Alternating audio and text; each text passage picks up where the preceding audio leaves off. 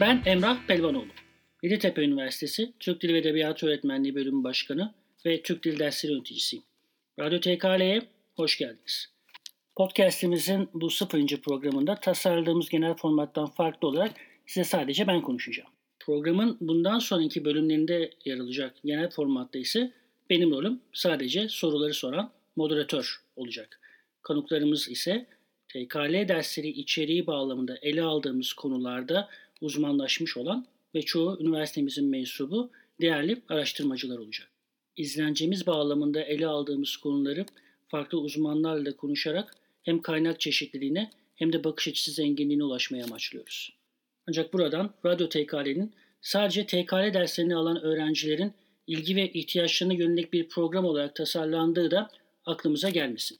Aksine dil, kültür ve edebiyat üzerine kafa açıcı sohbetler alt başlığıyla çıktığımız bu yolculukta programımızın genel olarak entelektüel anlamda kendisini geliştirmeye açık, her yaştan herkese hitap eden içeriklerle dolu olmasını da arzu ediyorum. Evet, bu bir podcast kaydı ve yer aldığımız mecralar da 21. 21. yüzyıl yeni medya alışkanlıklarıyla ortaya çıkmış olan yeni dijital mecralar. Ancak bu yeni dijital mecraların yazı merkezli oluşmuş kültürel derinliğin yerini almak gibi bir işlevi ya da misyonu olduğunu düşünmüyorum. Radyo TKL üzerinde de söyleyebilirim ki bu podcast'te üretilecek olan içerik ders bağlamında yapacağınız okumaların yerini almayacaktır.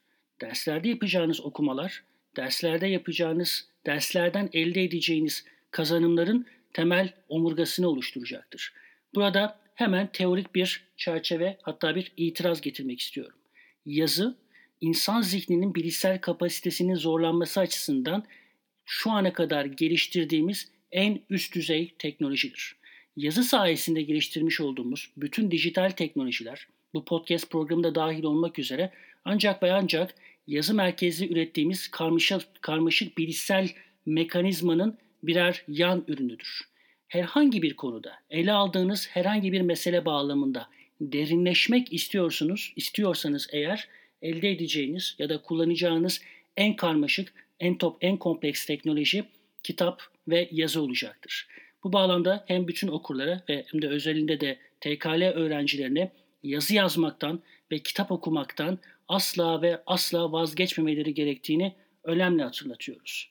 Bunu sadece ve sadece nostaljik bir kitap tutkunu, bir edebiyat sever olarak söylemiyorum. Bunu tam da son dönem nörolojik araştırmaların, zihinsel araştırmaların elde ettiği verilere ve sonuçlara dayanarak söylüyorum. Tam da bu bağlamda podcast dinlemenin ve genel olarak podcast yayıncılığının diğer dijital mecra üretme, diğer dijital mecralardan ya da içeriklerden, özellikle görsel içeriklerden bilişsel anlamda avantajlı, yani neden daha avantajlı olduğunu konuşarak devam edebiliriz.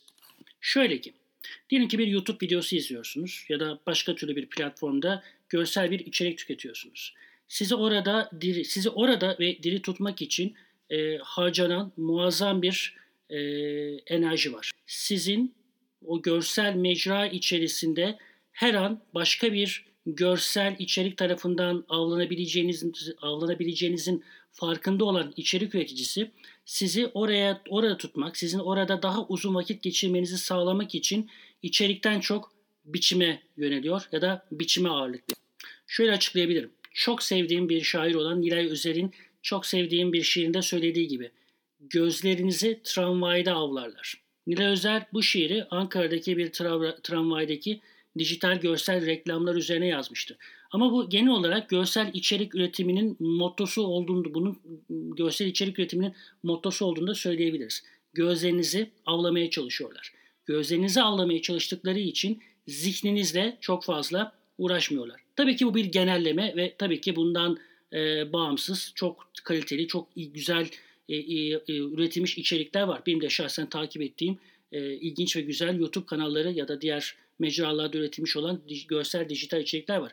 Ancak podcast yayıncılık, yayıncılığında sizi görsel olarak avlamak, sizi görsel olarak orada tutmak için harcanan enerji içeriye yöneltiliyor. Bir şey görmüyorsunuz ve çoğu zaman kulaklıkla dinlediğiniz şeye konsantre olarak ve orada olarak meseleye yöneliyorsunuz. bunun da bilen podcast içeri, podcast içeri üreticisi sizi görsel olarak orada tutmak için harcadığı enerjiyi sadece ve sadece içeriye yöneltiyor ve daha zengin, daha dinamik bir içerikle karşılaşmanızı sağlıyor. Bu durum kesinlikle yazı merkezli kültürel üretim e, ve dağıtım e, parametreleriyle çok daha uyumlu.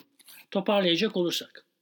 Evet, özelde Radyo TKL, Yeditepe Üniversitesi TKL Türk Dili derslerinin içeriğini takip etmeye ve derslerin haftalık işleyişiyle uyumlu bir yayın takvimi geliştirmeye çalışacak. Ancak genelde bu içeriklerin ilgili konularla ilgilenen herkesi tatmin edecek bir düzeyde ve yetkinlikte olmasını da amaçlıyoruz.